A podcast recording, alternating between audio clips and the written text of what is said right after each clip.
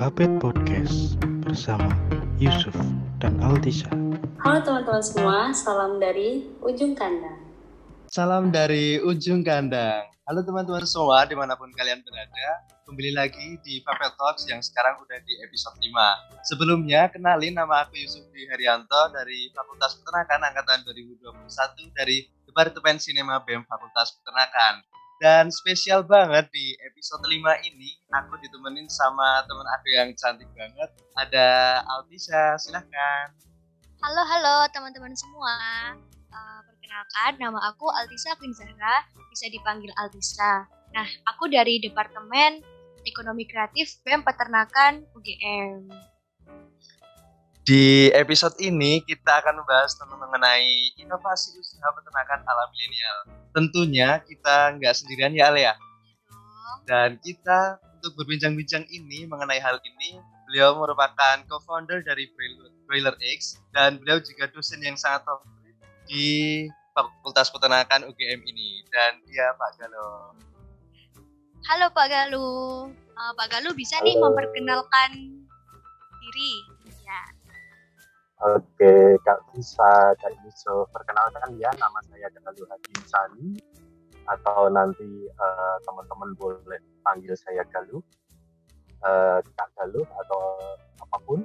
Uh, kita hari ini kita banyak belajar banyak. Gitu.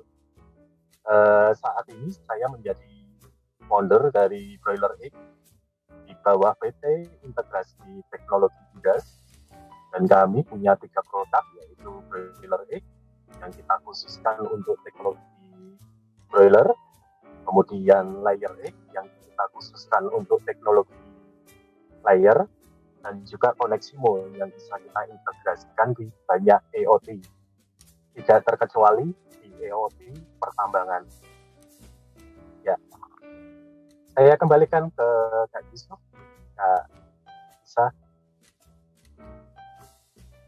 Oke, terima kasih Pak Galuh atas perkenalan singkatnya.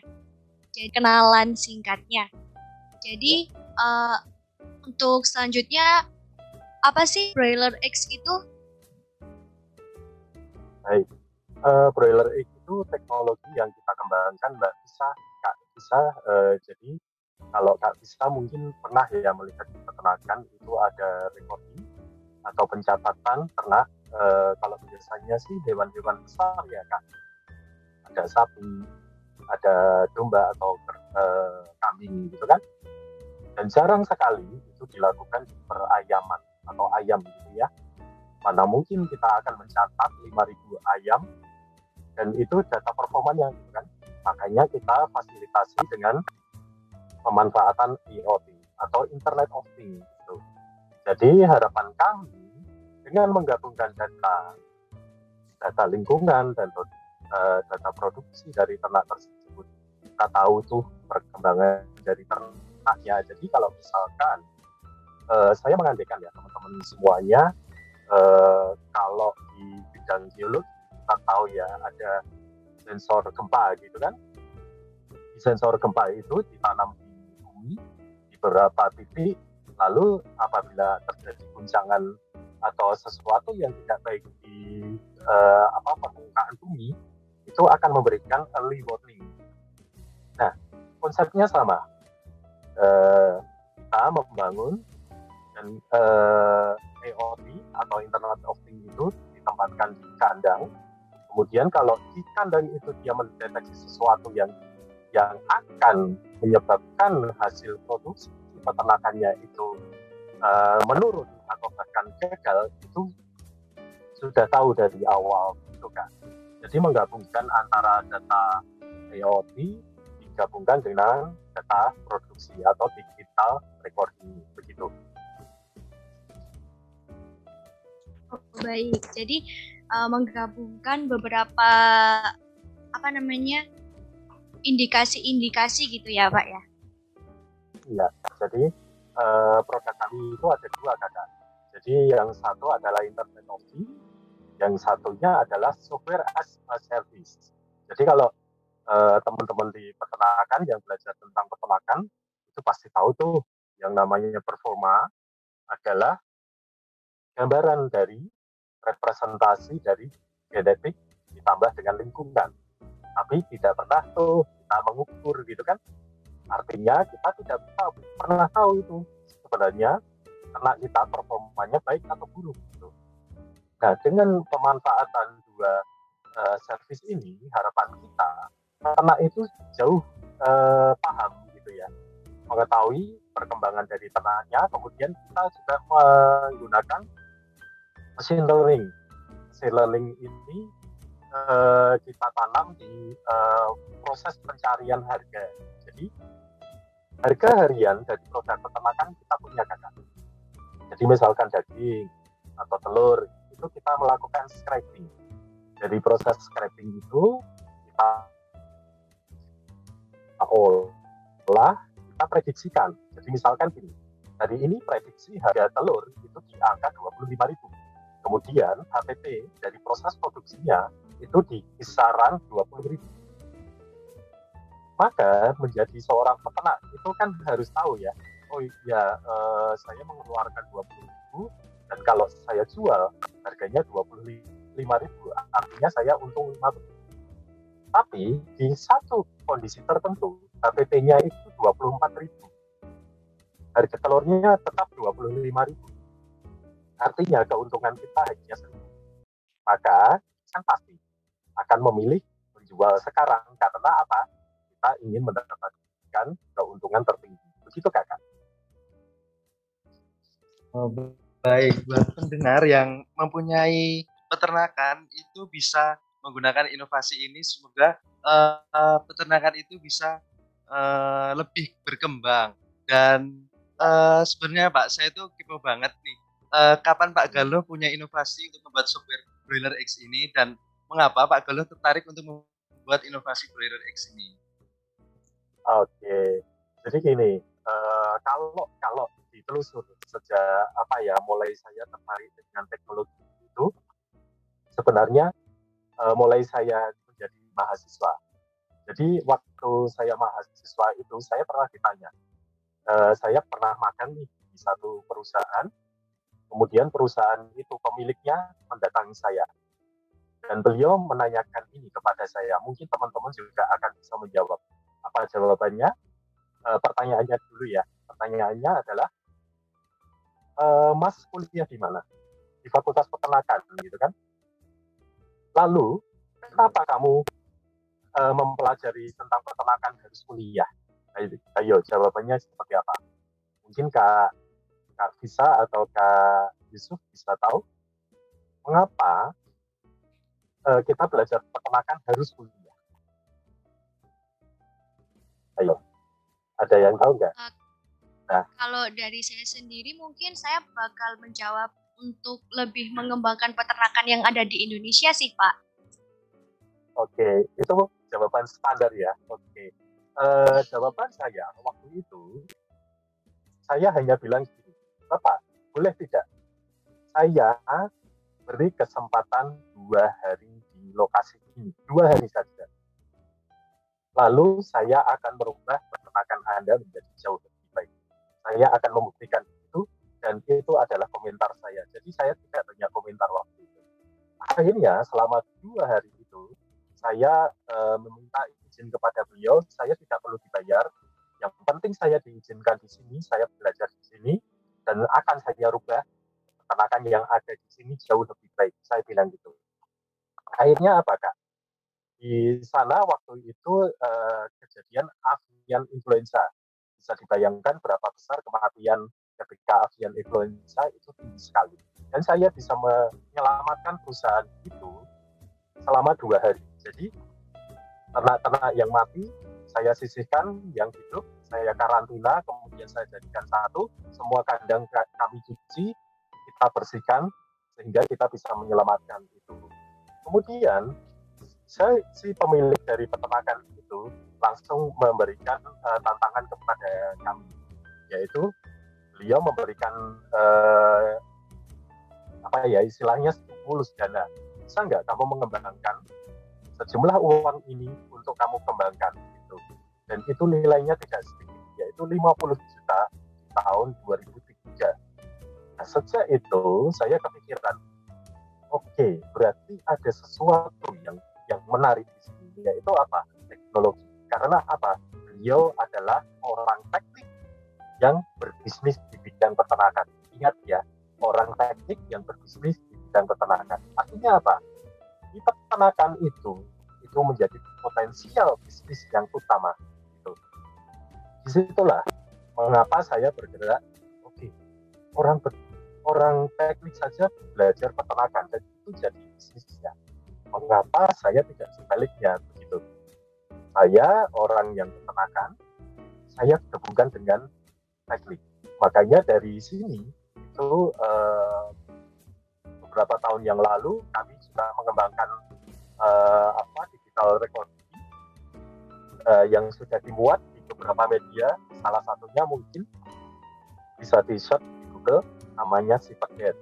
Sipedet yang kita kembangkan di Kalimantan Utara dan kita kerjasamakan dengan uh, Dinas Peternakan di Kalimantan Utara. Kemudian juga ada sistem yang kita kembangkan di Jawa Tengah juga. Jawa Tengah dan pada akhirnya kita mengembangkan sistemnya kita sendiri dan kita branding dengan broiler egg itu. Jadi broiler egg itu bertumbuh sejak saya menjadi mahasiswa dan anehnya broiler egg ini bertumbuh uh, relatif tinggi, relatif bagus ketika pandemi itu datang. Karena setiap orang membutuhkan uh, kejelasan dari proses produksinya. Begitu Kak Yusuf dan Kak Bisa. Uh, jadi dimulai dari kolaborasi antar uh, fakultas ya Pak ya, mahasiswa uh, seperti Fakultas Teknik dengan Fakultas Peternakan dan menghasilkan suatu inovasi yang sangat luar biasa yaitu uh, broiler X ini. Seperti itu ya Pak ya? Benar sekali. Jadi di uh, perusahaan kami itu uh, saya tidak sendirian, tapi dengan uh, Pak Jati namanya. Beliau pernah jadi dosen di uh, sekolah vokasi, kemudian beliau sekarang fokus di pengembangan uh, sistem dari broiler egg gitu. Mas. Oh iya ya Pak. Uh, tentunya kalau mengembangkan software Broiler X ini pasti ada kayak kesulitan atau hambatan-hambatan gitu ya Pak. Jadi saya ingin tahu nih uh, untuk kesulitan atau hambatan apa saja yang muncul dalam pembuatan software Broiler X ini. Baik, kalau dari sisi uh, pembuatan kami uh, harus uh, terus berkolaborasi. Jadi perlu diingat ya teman-teman semua eh, peternak semua itu jangan pernah merasa bahwa saya bekerja sendirian dan itu jauh lebih baik. Salah. Sekarang eranya adalah era kolaborasi. Dan segala sesuatu permasalahan itu tidak harus diselesaikan sendirian. Itu. Itu kata kuncinya. Jadi sebaik mungkin ketika kita mengalami satu kendala itu uh, kita harus mencari teman atau partner yang mereka bisa menambal kekurangan kita. Sebagai contoh ini, saya tidak ahli dalam coding, tapi saya ahli dalam uh, bidang peternakan. Kemudian bagaimana saya bisa menambal coding, area coding itu? Maka saya harus bersahabat atau berteman atau uh, apa ya berkolaborasi dengan orang yang pintar dengan coding. Gitu.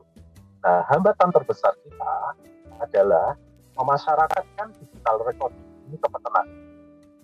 Karena mental set atau mindset dari peternak uh, sekarang itu cenderung tekan itu selalu dilakukan dengan cara tradisional. Itulah yang membedakan antara peternakan yang tingkat industrial dengan peternakan rakyat. Nah, kami ingin menghadirkan teknologi yang ada di industrial itu semudah atau uh, bisa di, uh, diakses oleh masyarakat gitu. Makanya kami membuka atau membuat satu web uh, platform namanya Broiler Egg bisa dikunjungi di saas.broileregg.com. Daftar uh, daftarkan diri Anda. Kemudian uh, Anda bisa menggunakan digital record ini secara gratis ya. Jadi kita gratiskan itu Lalu ada juga versi yang berbayar. Kenapa kita membuat versi yang berbayar? Tujuannya adalah untuk mensubsidi silang. Jadi uh, yang versi berbayar kan bisa jadi industrial ya. Uh, kemudian yang versi gratis itu selama peternakan rakyat yang hanya memiliki satu kandang saja kita gratiskan. Sementara peternakan-peternakan yang memiliki lebih dari uh, dua kandang kapasitasnya F-nya 5000 itu kan kita anggap mereka jauh lebih mampu daripada peternak rakyat. Nah, itu kita gunakan untuk subsidi silang itu. Begitu selanjutnya, sehingga kami berharap peternak rakyat itu dapat mengakses semua teknologi yang awalnya hanya dinikmati oleh industrial. Jadi pemerataan yang kita inginkan. Itu kak. Oke, baik Pak Galuh. Sangat menginspirasi banget nih ya teman-teman. Tapi saya masih uh, agak apa ya kurang apa ya kayak pengen tahu aja gitu Pak uh, otomatis kan kalau misalnya memasarkan ini kan kayak sangat susah gitu. Boleh dong uh, dari Pak Galuh ini uh, menceritakan gimana susahnya untuk memasarkan produk atau software broiler X ini ke masyarakat gitu yang notabene-nya itu masyarakat tuh kayak masih awam gitu Pak. Baik, uh, jadi ini uh, yang atau strategi marketing yang kita gunakan ya uh, kita ceritakan saja Salah satunya adalah uh, kita menggandeng ke beberapa industrial atau beberapa mitra. Mereka kita berikan akses gitu. Kemudian dari akses itu dia digunakan oleh mitra-mitra yang lain. Jadi istilahnya begini, uh, kak. Jadi kalau dunia peternakan itu kita mengajak seseorang itu tidak semudah yuk pakai ini gitu. Tapi kita berikan contoh dulu contoh sukses. Jadi sukses story dulu. Kita buatkan satu uh, success story, mereka kita gratiskan, kemudian kemudian menggunakan itu, kemudian coba kita bantu pemasarannya. Jadi kami berharap dengan adanya digital record, misalnya ini kakak ya, uh, sekarang kalau beli ayam, antara ayam utuh dengan ayam yang sudah dipotong kepalanya doang, sayapnya doang, kemudian jeroannya doang, atau dadanya doang, atau bagian kaki doang, itu jauh lebih menguntungkan mana kira-kira? Dari pertanyaan saya, ayo, lebih menguntungkan mana membeli ayam satu ekor dibandingkan dengan ketika itu dijual parting gitu? Kalau menurut saya sih yang dipotong-potong itu ya Pak. Soalnya kan kita kan mengkonsumsinya kan kayak lebih mudah gitu. Benar sekali. Makanya di uh, supermarket uh, apa modern sekarang coba uh, teman-teman beli jantungnya saja, apakah teman-teman juga membeli 20 ekor hanya untuk mendapatkan 20 jantung? Kan tidak. Ya, beli jantungnya saja bisa, beli ususnya saja bisa, dan lain sebagainya. Tapi misalkan begini, Anda memiliki 5.000 ekor, kemudian saya tanya, e, saya pengen beli sayapnya doang, bisa nggak? Kebanyakan peternak akan berpikir, waduh Pak, kalau beli ayam ya satu ekor gitu, kita sembeli satu ekor. Tapi di tingkat industri tidak seperti itu. Ya, di tingkat industri, mengapa mereka jauh lebih untung? Karena satu, teknologi mereka bisa memberikan kepastian pada uh, konsumen. Bapak saya ingin beli satu ton kaki. Oh ada. Bapak saya ingin beli dua ton sayap. Oh ada, saya ada. Silahkan beli. Karena apa? Mereka punya data produksi. Begitu. Jadi dengan cara seperti ini, uh, kepastian yang diberikan pada peternak ketika dia menjual ke customer itu jelas. Begitu. Ya. Dengan cara apa digital recording kan kita tahu oh SCR-nya sekian kebutuhan pakan sekian harga pakan sekian. Itu secara otomatis oleh sistem akan dihitungkan dihitung ya dihitungkan jadi peternak itu tidak kerepotan lagi jadi seolah-olah meskipun dia sebagai peternak rakyat, mereka itu bisa menikmati. Oh, ternyata keuntungan dari industri itu seperti ini, gitu. Dan itulah uh, semangat kami untuk memberikan bantu uh, membantu peternak kecil agar mereka bisa bertumbuh. Gitu kak. Uh, jadi uh, inovasi ini itu berbasis uh, menjadikan kepastian uh, bagi peternak seperti itu ya Pak ya. Dan uh, seperti jurnal yang saya baca dari Bu Siti Andarwati itu uh, kebanyakan orang yang awam seperti saya Pak ya uh, itu tuh uh, harus pasti uh, bagaimana inovasi itu bisa dikembangkan. Uh, seperti gini Pak. Uh, misal kita punya inovasi. Nah bagaimana inovasi itu bisa mensukseskan saya? Seperti itu Pak. Jadi berbasis uh, finansial seperti itu Pak. Uh, menurut uh, jurnal yang saya baca. Ya, itu benar sekali Mas. Jadi uh, sekarang orang itu mengembangkan teknologi itu untuk mengurangi resiko bukan tanpa resiko bukan tanpa resiko mengurangi resiko sebagai contoh teman-teman semua di handphone masing-masing pasti disematkan dengan namanya uh, perakiraan cuaca.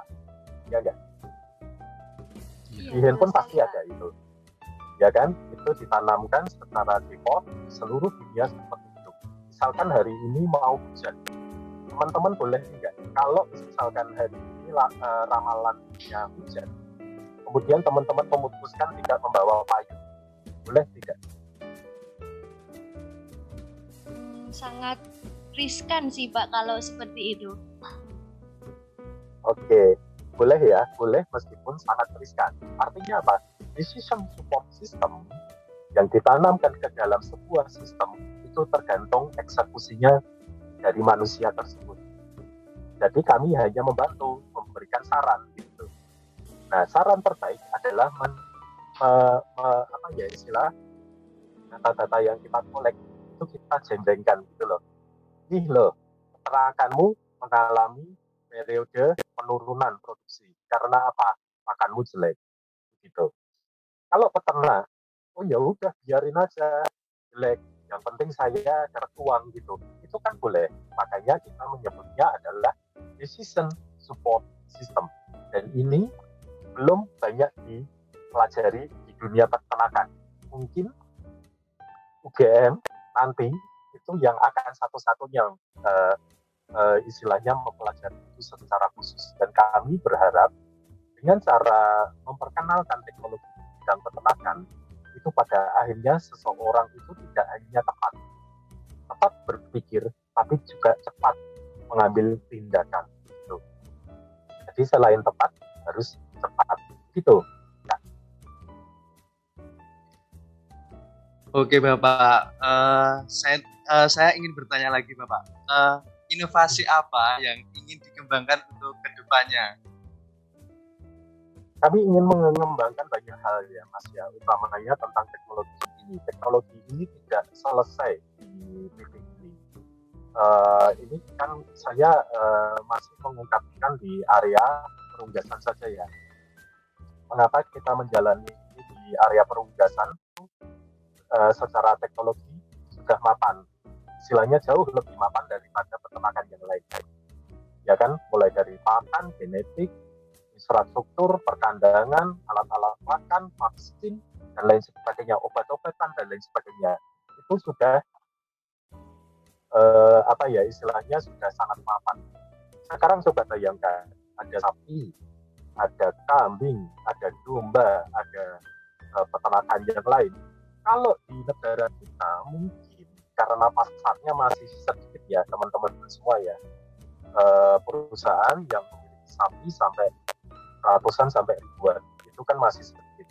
Mayoritas masih peternak rakyat yang hanya memiliki dua ekor sapi tiga ekor dan lain sebagainya. Makanya kami belum berfokus di sana. Nah ke depannya kami ketika uh, sudah ada uh, apa ya istilahnya eh, pasar pasar itu sudah mulai mengarah ke sana itu maka eh, kami juga akan mengarah ke sana gitu. Jadi daripada kita berfokus pada hal yang tidak dibutuhkan oleh masyarakat lebih baik kita uh, fokus di hal yang dibutuhkan masyarakat dulu, baru kita merubah segmentasi pasarnya. Itu itu yang uh, cara pandang yang paling tepat dan itu saya uh, lakukan sampai detik ini. Begitu, Kak. Oh, jadi bisa dibilang kalau uh, peternak unggas itu kayak lebih populer gitu ya Pak di Indonesia gitu. Jadi kenapa kok? Benar. Uh, ya. mungkin uh, pesan Iya Pak, mungkin bisa dilanjutkan dulu. Selain populer, bagaimana Pak? Oke, selain populer kan uh, industri yang yang menopang di uh, seluruh dunia ya itu uh, kelihatannya produksi perunggasan gitu ya untuk saat ini. Karena uh, nutrisi bisa dibayangkan kapsul nutrisi yang paling lengkap itu hanya didapatkan dari unggas telur telur itu adalah kapsul gizi yang paling bagus. Gitu. Kemudian eh, daging atau atau protein hewani yang murah yang dihasilkan oleh masyarakat peternakan itu ada di area ayam, gitu ya, di area perunggasan. Dan ke depannya kami juga tidak akan menutup kemungkinan kami akan mengembangkan di peternakan yang lain sesuai dengan kebutuhan pasar juga. Oke, baik Pak Galuh. Sangat membuka insight kita gitu ya teman-teman. Jadi kita itu kayak harus berinovasi lebih, lebih, lebih lagi gitu. Jadi uh, saya ingin bertanya untuk Pak Galuh, uh, mungkin ada nih pesan atau sepatah dua kata gitu yang ingin disampaikan kepada generasi muda untuk lebih memotivasi agar generasi muda ini mau gitu berinovasi sesuai dengan bidangnya masing-masing gitu. Baik, uh, terima kasih Kak, uh, Kak Bisa. Jadi gini, generasi muda kalau uh, mungkin ya kalau ditanya ya, mengapa teman-teman yang uh, teman-teman yang mau kuliah itu ketika saya tanya, mengapa Anda memilih fakultas peternakan? Itu tidak sedikit yang mengatakan uh, ini pilihan kedua kami Pak pertama ada di fakultas yang lain. Dan mungkin itu benar, tapi bisa jadi salah. Salah ada di mana? Fakultas peternakan itu uh, tidak hanya mempelajari tentang budidayanya saja. Artinya begini, budidaya itu bisa dipelajari siapa pun. Seperti contohnya ketika saya mahasiswa, saya mau magang, saya ditanya oleh pemiliknya tadi, Kenapa kamu harus kuliah sementara peternakan bisa dipelajari oleh siapa pun? Gitu. Harus dibuktikan begitu kan? Karena apa? Membentuk jiwa jiwa apa ya istilahnya entrepreneurship dan peternakan itu tidak mudah. Makanya harus diasah dengan mengolah bidang akademiknya. Makanya kalau teman-teman yang sudah berkuliah di Fakultas Peternakan itu harus bangga Bangga karena sebagai penyedia protein hewani yang utama. Dan satu hal lagi, jangan pernah mengesampingkan yang namanya kolaborasi. Kolaborasi itu penting. Jadi kita bukan satu-satunya orang kita di dunia ini. Kita harus uh, memasyarakat dengan yang lain, kemudian kita membentuk atau uh, berusaha mencari satu permasalahan atau permasalahan uh, yang ada di masyarakat, kemudian kita pecahkan bersama. Dan berikutnya adalah masyarakat milenial mungkin sangat uh, kenal dengan namanya digital ya, digital. Segala sesuatu digitalkan gitu kan. Nah ini masih ada ceruk pasarnya. Ini uh, ada saya sedikit cerita untuk memotivasi teman-teman semua. Saya tidak kepikiran ketika kami membuat digital recording ini, kemudian kami dikontak oleh orang luar negeri. Orang luar negeri itu uh, dia ingin pesan 100 ribu ekor per hari, bayangkan. Ayam yang produksi dari hasil teknologi dari broiler egg. Mengapa? Teman-teman tahu ya, mungkin di Indonesia ini mayoritas muslim Kemudian kita mengupayakan untuk makan makanan yang halal. Di luar negeri, itu juga sama. Mereka juga ingin mengkonsumsi produk yang aman. Aman secara keamanan pangan. Nah, cara membuktikan keamanan pangan yang paling bagus adalah traceability traceability yang bagus itu bisa dibuktikan dengan digital recording. Bisa dengan ketika ayam mulai dari GOC sampai dewasa sampai dipotong itu ke Jadi kalau saya makan ayam, oh ini ayam dibesarkan oleh Pak siapa, di mana, kasih pakan apa, besarnya berapa, kasih obat-obatan apa, kemudian di usia berapa dia dipotong dan lain sebagainya. Data itu bisa dikonsumsi oleh konsumen. Apa yang terjadi? Konsumen di luar negeri itu mau membayar mahal produk yang seperti itu dan itulah ayam yang uh, secara jaminan keamanan pangannya itu tinggi. Artinya apa? Kalau orang muslim bilang ini adalah produk yang halal, ya. Jadi maaf ya, uh, keamanan pangan itu tidak hanya logo lagi, logo saja, tapi bisa diberikan. Nah inilah pentingnya traceability. Dan saya berharap ke depannya teman-teman itu bisa menggali apa peluang dari bisnis peternakan yang bisa digali sehingga teman-teman semua uh, bisa mendapatkan uh, peternakan ini jauh lebih baik dan jauh lebih menyenangkan untuk kita eksplorasi. Semangat semuanya bahwa kita uh, adalah uh, adalah manusia-manusia atau uh, orang yang tepat berada di Fakultas Peternakan dan kita mempelajari bersama. Begitu. Saya kembalikan ke Kak Isa.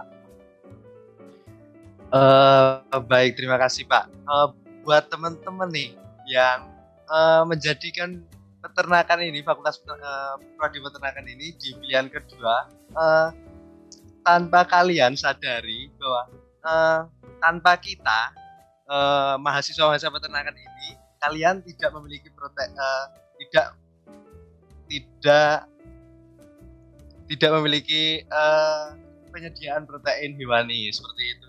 Dan di penghujung acara ini Pak sudah di penghujung acara. Terima kasih Pak Galuh atas waktunya bisa berbincang-bincang seru bersama Bapak. Semoga dapat bertemu di kesempatan lainnya dan beliau ini sangat aware sekali dengan mahasiswa-mahasiswanya dengan catatan jika beliau ini ada waktu, jika beliau ini ada waktu karena beliau itu sangat uh, padat sekali jadwalnya. Uh, sebelum take ini pun Pak Galo juga uh, memiliki kesibukan lainnya. Terima kasih Pak Galo atas waktunya. Oke itu saja. Uh, kurang lebihnya mohon maaf. Salam dari ujung kandang. Sampai jumpa semua. Terima kasih telah mendengarkan. Terima kasih.